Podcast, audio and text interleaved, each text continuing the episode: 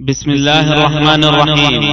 يسر شبكة الألوكة بالتعاون مع المكتبة المركزية للكتب الناطقة. أن تقدم لكم هذه المادة. تفسير سورة المجادلة لابن كثير.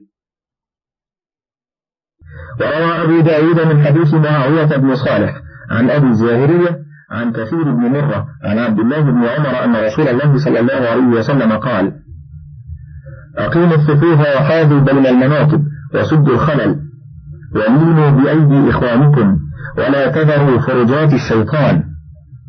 من وصل ومن وصل صفا وصله الله ومن قطع صفا قطعه الله. ولهذا كان أبي بن كعب سيد القراء إذا انتهى إلى الصف الأول انتزع منه رجلا يكون من أخلاق الناس ويدخل هو في الصف المقدم ويحتج بهذا الحديث ليلي منكم أولو الأحلام والنهى وأما عبد الله بن عمر فكان لا يجلس في المكان الذي يقوم له صاحبه عنه عملا بمقتضى ما تقدم من روايته الحديث الذي أوردناه. ولنقتصر على هذا المقدار من الأنموذج المتعلق بهذه الآية وإلا فبسطه يحتاج إلى غير هذا الموضع وفي الحديث الصحيح بين رسول الله صلى الله عليه وسلم جالس إذ أقبل ثلاثة نفر. فأما أحدهم فوجد فرجة في الحلقة فدخل فيها. وأما الآخر فجلس وراء الناس وأدبر الثالث ذاهبا. فقال رسول الله صلى الله عليه وسلم ألا أنبئكم بخبر الثلاثة؟ أما الأول فآوى إلى الله فآواه الله. وأما الثاني فاستخفى فاستخفي الله منه. وأما الثالث فأعرض فأعرض الله عنه. وقال الإمام أحمد حدثنا عتاب بن زياد أخبرنا عبد الله أخبرنا أسامة بن زيد عن عمرو بن شعيب عن أبيه عن عبد الله بن عمرو أن رسول الله صلى الله عليه وسلم قال لا يحل لرجل أن يفرق بين اثنين إلا بإذنهما. ورواه أبو داود الترمذي من حديث أسامة بن زيد الليثي به وحسنه الترمذي. وقد روي عن ابن عباس والحسن البصري وغيرهما أنهم قالوا في قوله تعالى إذا قيل لكم تفسحوا في المجالس فافسحوا يفسح الله لكم يعني في مجالس الحرب قالوا ومعنى قوله وإذا قيل انشزوا فانشزوا أو انهضوا للقتال وقال قتاده وإذا قيل انشزوا فانشزوا أي إذا دعيتم إلى خير فأجيبوا وقال مقاتل إذا دعيتم إلى الصلاة فارتفعوا إليها وقال عبد الرحمن بن زيد بن أسلم كانوا إذا كانوا عند النبي صلى الله عليه وسلم في بيته فأرادوا الانصراف أحب كل منهم أن يكون هو آخرهم خروجا من عنده. فربما يشق ذلك عليه عليه السلام. وقد تكون له الحاجة فأمروا. أنهم إذا أمروا بالانصراف أن ينصرفوا كقوله تعالى وإن قيل لكم ارجعوا فارجعوا. وقوله تعالى يرفع الله الذين آمنوا منكم والذين أوتوا العلم درجات والله بما تعملون خبير. أي لا تعتقدوا أنه إذا فسح أحدكم منه أحد منكم لأخيه إذا أقبل أو إذا أمر بالخروج فخرج أن يكون ذلك نقصا في حقه. بل هو رفعة ورتبة عند الله والله تعالى لا يضيع ذلك له. بل يجزيه بها في الدنيا والآخرة. فإن من تواضع لأمر الله رفع الله قدره ونشر ذكره. ولهذا قال تعالى يرفع الله الذين آمنوا منكم والذين أوتوا العلم درجات والله بما تعملون خبير. أي خبير بمن يستحق ذلك وبمن لا يستحقه. قال الإمام أحمد حدثنا أبو كامل حدثنا إبراهيم حدثنا ابن شهاب عن أبي الطفيل عامر بن واثلة أن نافع بن عبد الحارث لقي عمر بن الخطاب بعسفان وكان عمر استعمله على مكة فقال له عمر من استخلفت على أهل الوادي؟ قال استخلفت عليهم ابن أبزي رجل من موالينا. فقال عمر استخلفت عليهم مولى فقال يا أمير المؤمنين إنه قارئ لكتاب الله عالم بالفرائض قاص. فقال عمر رضي الله عنه أما إن نبيكم صلى الله عليه وسلم قد قال إن الله يرفع بهذا الكتاب قوما ويضع به آخرين. وهكذا رواه مسلم من غير وجه عن الزهري به وعلي من غير وجه عن عمر بنحوه وقد ذكرت فضل العلم وأهله وما ورد في ذلك من الأحاديث مستقصاة في شرح كتاب العلم من صحيح البخاري. ولله الحمد والمنة. يا أيها الذين آمنوا إذا ناجيتم الرسول فقدموا بين يدي نجواكم صدقة. ذلك خير لكم وأطهر. فإن لم تجدوا فإن الله غفور رحيم. أأشفقتم أن تقدموا بين يدي نجواكم صدقات. فإذ لم تفعلوا وتاب الله عليكم فأقيموا الصلاة وآتوا الزكاة. فأقيموا الصلاة وآتوا الزكاة وأطيعوا الله ورسوله. والله خبير بما تعملون. يقول تعالى آمرا عباده المؤمنين إذا أراد أحدهم أن يناجي رسول الله صلى الله عليه وسلم أن يساره فيما بينه وبينه أن يقدم بين يدي ذلك صدقة تطهره وتزكيه وتؤهله لأن يصلح لهذا المقام. ولهذا قال تعالى ذلك خير لكم وأطهر. ثم قال تعالى فإن لم تجدوا أي إلا من عجز عن ذلك لفقره فإن الله غفور رحيم. فما أمر بها إلا من قدر عليها. ثم قال تعالى أأشفقتم أن تقدموا بين يدي نجواكم صدقات؟ أي أخفتم من استمرار هذا الحكم عليكم من وجوب الصدقة قبل مناجاة الرسول؟ فإذ لم تفعلوا وتاب الله عليكم فأقيموا الصلاة وآتوا الزكاة وأطيعوا الله ورسوله. والله خبير بما تعملون. فنسخ وجوب ذلك عنهم. وقد قيل إنه لم يعمل بهذه الآية قبل نسخها سوى علي بن أبي طالب رضي الله عنه. قال ابن أبي نجيح عن مجاهد قال نهوا عن مناجاة النبي صلى الله عليه وسلم حتى يتصدقوا. فلم يناجه إلا علي بن أبي طالب قدم دينارا صدقة تصدق به ثم نادى النبي صلى الله عليه وسلم فسأله عن عشر خصال.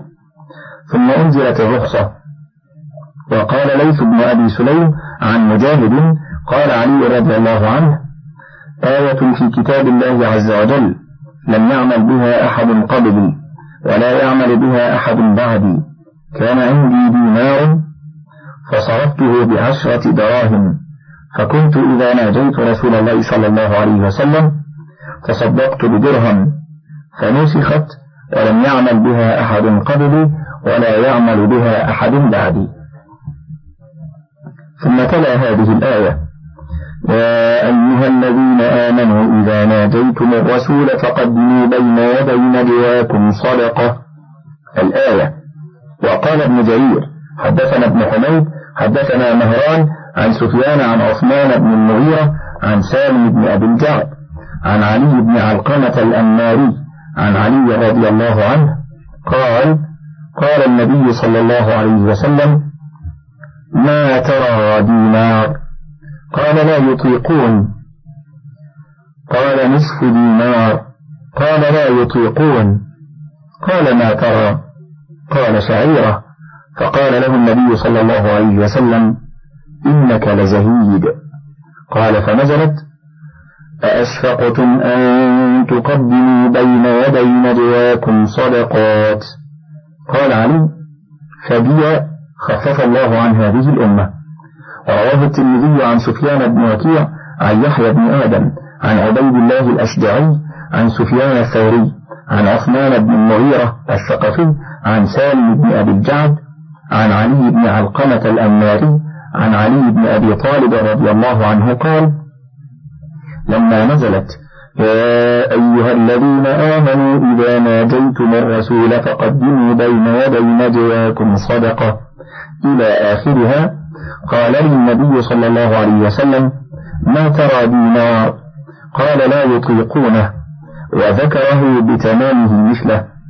ثم قال هذا حديث حسن غريب إنما نعرفه من هذا الوجه. ثم قال ومعنى قوله شعيرة يعني وزن شعيرة من ذهب. ورواه أبو يعلى عن أبي بكر بن أبي شيبة عن يحيى بن آدم به. وقال العوفي عن ابن عباس في قوله تعالى يا أيها الذين آمنوا إذا ناجيتم الرسول فقدموا بين يدي نجواكم صدقة. إلى فإن الله غفور رحيم. كان المسلمون يقدمون بين يدي النجوى صدقة فلما نزلت الزكاة نسخ هذا. وقال علي بن أبي طلحة عن ابن عباس قوله فقدموا بين يدي نجواكم صدقة. وذلك أن المسلمين أكثروا المسائل على رسول الله صلى الله عليه وسلم حتى شقوا عليه. فأراد الله أن يخفف عن نبيه عليه السلام. فلما قال ذلك جبن كثير من المسلمين وكفوا عن المسألة. فأنزل الله بعد هذا أأشفقتم أن تقدموا بين يدي نجواكم صدقات. فإذ لم تفعلوا وتاب الله عليكم فأقيموا الصلاة وآتوا الزكاة. فوسع الله عليهم ولم يضيق وقال أكلمة والحسن البصري في قوله تعالى فقدموا بين يدي نجواكم صدقة نسختها الآية التي بعدها أأشفقتم أن تقدموا بين يدي نجواكم صدقات إلى آخرها وقال سعيد بن أبي عروبة عن مقاتل وقتادة ابن خيان سأل الناس رسول الله صلى الله عليه وسلم حتى أحفظوا بالمسألة ففطمهم الله بهذه الآية. فكان الرجل منهم إذا كانت له الحاجة إلى نبي الله صلى الله عليه وسلم فلا يستطيع أن يقضيها حتى يقدم بين يديه صدقة. فاشتد ذلك عليهم فأنزل الله الرخصة بعد ذلك. فإن لم تجدوا فإن الله غفور رحيم. وقال معمر عن قتادة إذا ناجيتم الرسول فقدموا بين يدي نجواكم صدقة إنها منسوخة ما كانت إلا ساعة من نهار. وهكذا روى عبد الرزاق. أخبرنا معمر عن أيوب عن مجاهد قال قال علي ما عمل بها أحد غيري حتى نسخت وأحسبه. قال وما كانت إلا ساعة. ألم تر إلى الذين تولوا قوما غضب الله عليهم؟ ما هم منكم ولا منهم؟ ويحلفون على الكذب وهم يعلمون. أعد الله لهم عذابا شديدا. إنهم ساء ما كانوا يعملون. اتخذوا أيمانهم جنة فصدوا عن سبيل الله فلهم عذاب مهين. لن تغني عنهم أموالهم ولا أولادهم من الله شيئا. أولئك أصحاب النار هم فيها خالدون. يوم يبعثهم الله جميعا فيحلفون له فيحلفون له كما يحلفون لكم ويحسبون أنهم على شيء. ألا إنهم هم الكاذبون. استحوذ عليهم الشيطان فأنساهم ذكر الله. أولئك حزب الشيطان. ألا إن حزب الشيطان هم الخاسرون. يقول الله تعالى منكرا على المنافقين في موالاتهم الكفار في الباطن وهم في نفس الأمر. لا معهم ولا مع المؤمنين. كما قال تعالى مذبذبين بين ذلك لا إله هؤلاء ولا إله هؤلاء. ومن يضلل الله فلن تجد له سبيلا. وقال ها هنا ألم تر إلى الذين تولوا قوما غضب الله عليهم؟ يعني اليهود الذين كان المنافقون يمالئونهم ويوالونهم في الباطن ثم قال تعالى ما هم منكم ولا منهم. أي هؤلاء المنافقون ليسوا في الحقيقة منكم أيها المؤمنون ولا من الذين يوالونهم وهم اليهود. ثم قال تعالى ويحلفون على الكذب وهم يعلمون. يعني المنافقين يحلفون على الكذب وهم عالمون بأنهم كاذبون فيما حلفوا وهي اليمين الغموس ولا سيما في مثل حالهم اللعين عياذا بالله منه. فإنهم كانوا إذا لقوا الذين آمنوا قالوا آمنا وإذا جاءوا الرسول حلفوا له بالله أنهم مؤمنون وهم في ذلك يعلمون أنهم يكذبون فيما حلفوا به لأنهم لا يعتقدون صدق ما قالوه. وإن كان في نفس الأمر مطابقا ولهذا شهد الله بكذبهم في أيمانهم وشهادتهم لذلك ثم قال تعالى أعد الله لهم عذابا شديدا إنهم ساء ما كانوا يعملون. أي أرشد الله لهم على هذا الصنيع العذاب الأليم على أعمالهم السيئة وهي موالاة الكافرين. ومسخهم ومعاداة المؤمنين وغشهم. ولهذا قال تعالى اتخذوا أيمانهم جنة فصدوا عن سبيل الله. أي أظهروا الإيمان وأبطنوا الكفر واتقوا بالأيمان الكاذبة. فظن كثير ممن لا يعرف حقيقة أمرهم صدقهم فاغتر بهم. فحصل بهذا صد عن سبيل الله لبعض الناس فلهم عذاب مهين.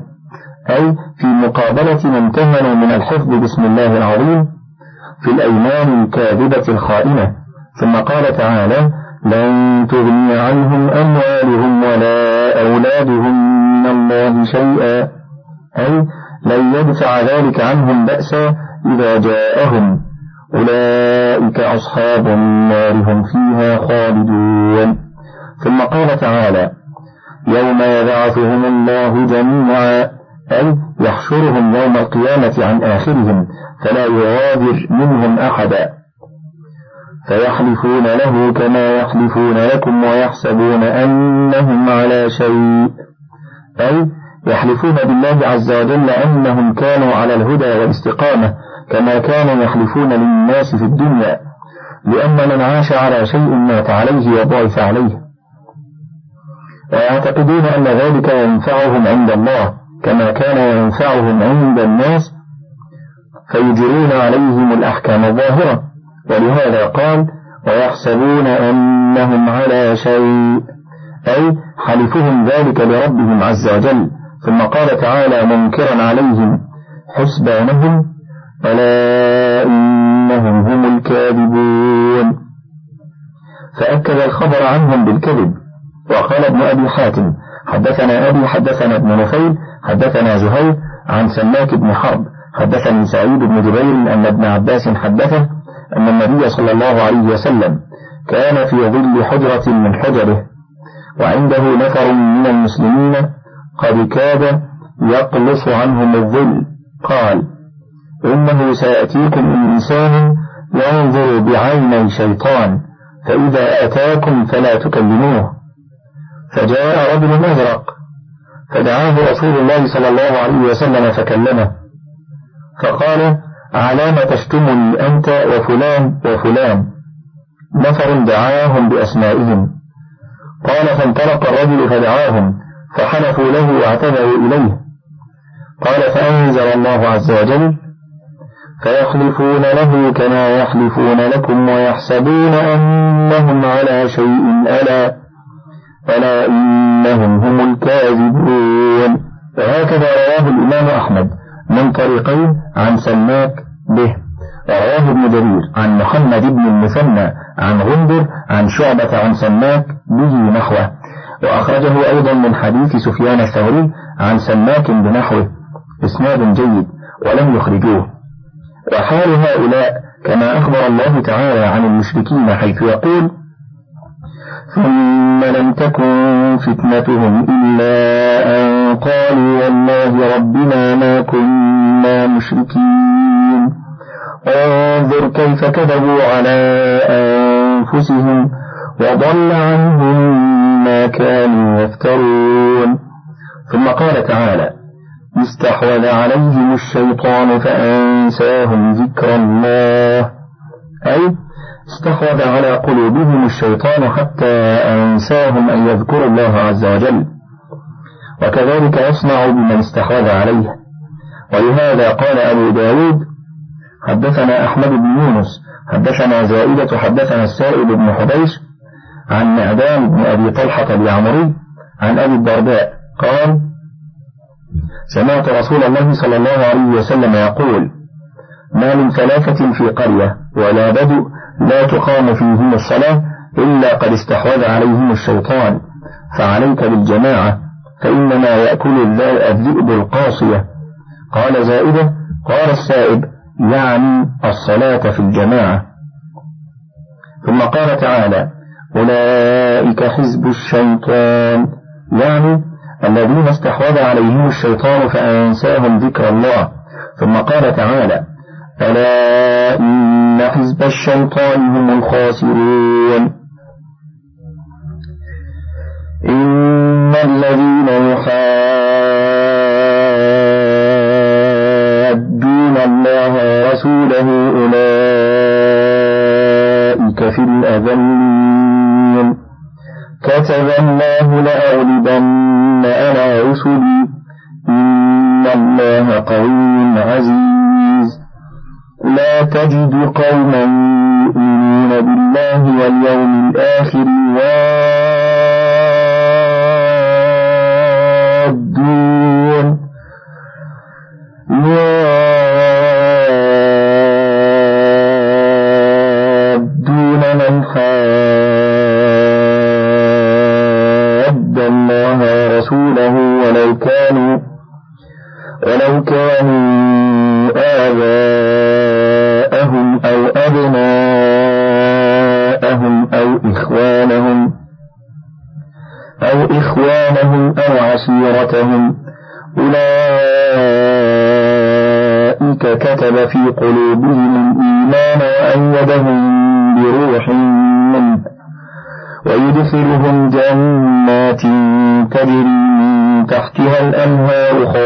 خالدين فيها.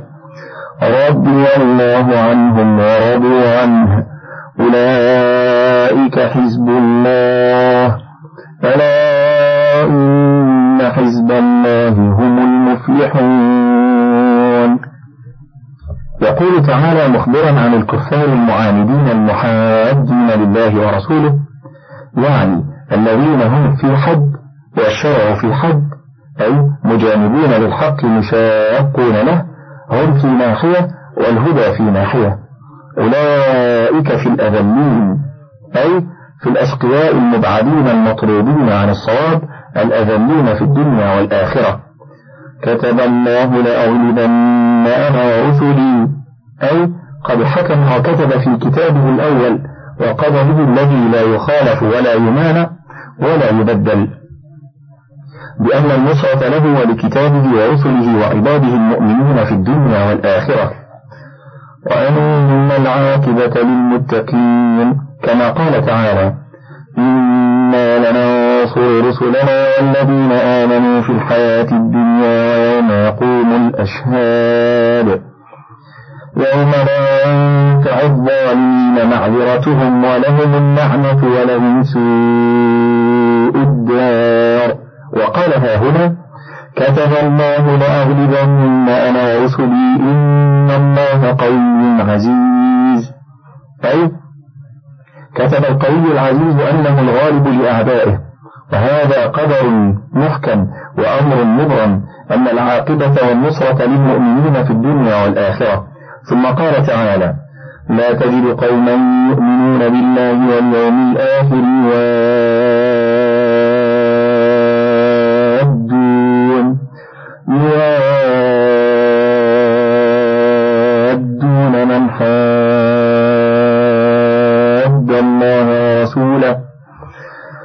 كانوا آباءهم أو أبناءهم أو إخوانهم أو عشيرتهم. أي لا يوادون المحادين ولو كانوا من الأقربين. كما قال تعالى لا يتخذ المؤمنون الكافرين أولياء من دون المؤمنين. ومن يفعل ذلك فليس من الله في شيء إلا ويحذركم الله نفسه الآية. وقال تعالى قل إن كان آباؤكم وأبناؤكم وإخوانكم وأزواجكم وعشيرتكم وأموال اقترفتموها وأموال اقترفتموها وتجارة تخشون كسادها ومساكن ترضونها أحب إليكم أحب إليكم من الله ورسوله وجهاد في سبيله فتربصوا. فتربصوا حتى يأتي الله بأمره. والله لا يهدي القوم الفاسقين. وقد قال سعيد بن عبد العزيز وغيره وأنزلت هذه الآية لا تجد قوما يؤمنون بالله واليوم الآخر إلى آخرها في أبي عبيدة عامر بن عبد الله بن الجراح حين قتل أباه يوم بدر. ولهذا قال عمر بن الخطاب رضي الله عنه حين جعل الأمر شورى بعده في أولئك الستة رضي الله عنهم ولو كان أبو عبيدة حيا لاستخلفته وقيل في قوله تعالى ولو كانوا آباءهم نزلت في أبي عبيدة قتل أباه يوم بدر. أو أبناءهم في الصديق. هم يومئذ بقتل ابنه عبد الرحمن. أو إخوانهم في مصعب بن عمير. قتل أخاه عبيد بن عمير يومئذ. أو عشيرتهم في عمر. قتل قريبا له. يومئذ أيضا. وفي حمزة وعلي وعبيدة بن الحارث. قتل عتبة وشيبة والوليد بن عتبة يومئذ فالله أعلم. قلت ومن هذا القبيل حين استشار رسول الله صلى الله عليه وسلم المسلمين في أسارى بدر فأشار الصديق بأن يفادوا فيكون ما يؤخذ منهم قوة للمسلمين وهم بنو العم والعشيرة ولعل الله تعالى أن يهديهم. وقال عمر لا أرى ما رأى يا رسول الله. هل تمكنني من فلان قريب لعمر؟ فأقتله. وتمكن عليا من عقيل. وتمكن فلانا من فلان. ليعلم الله أنه ليست في قلوبنا موادة للمشركين. القصة بكمالها. من فضلك تابع بقية المادة.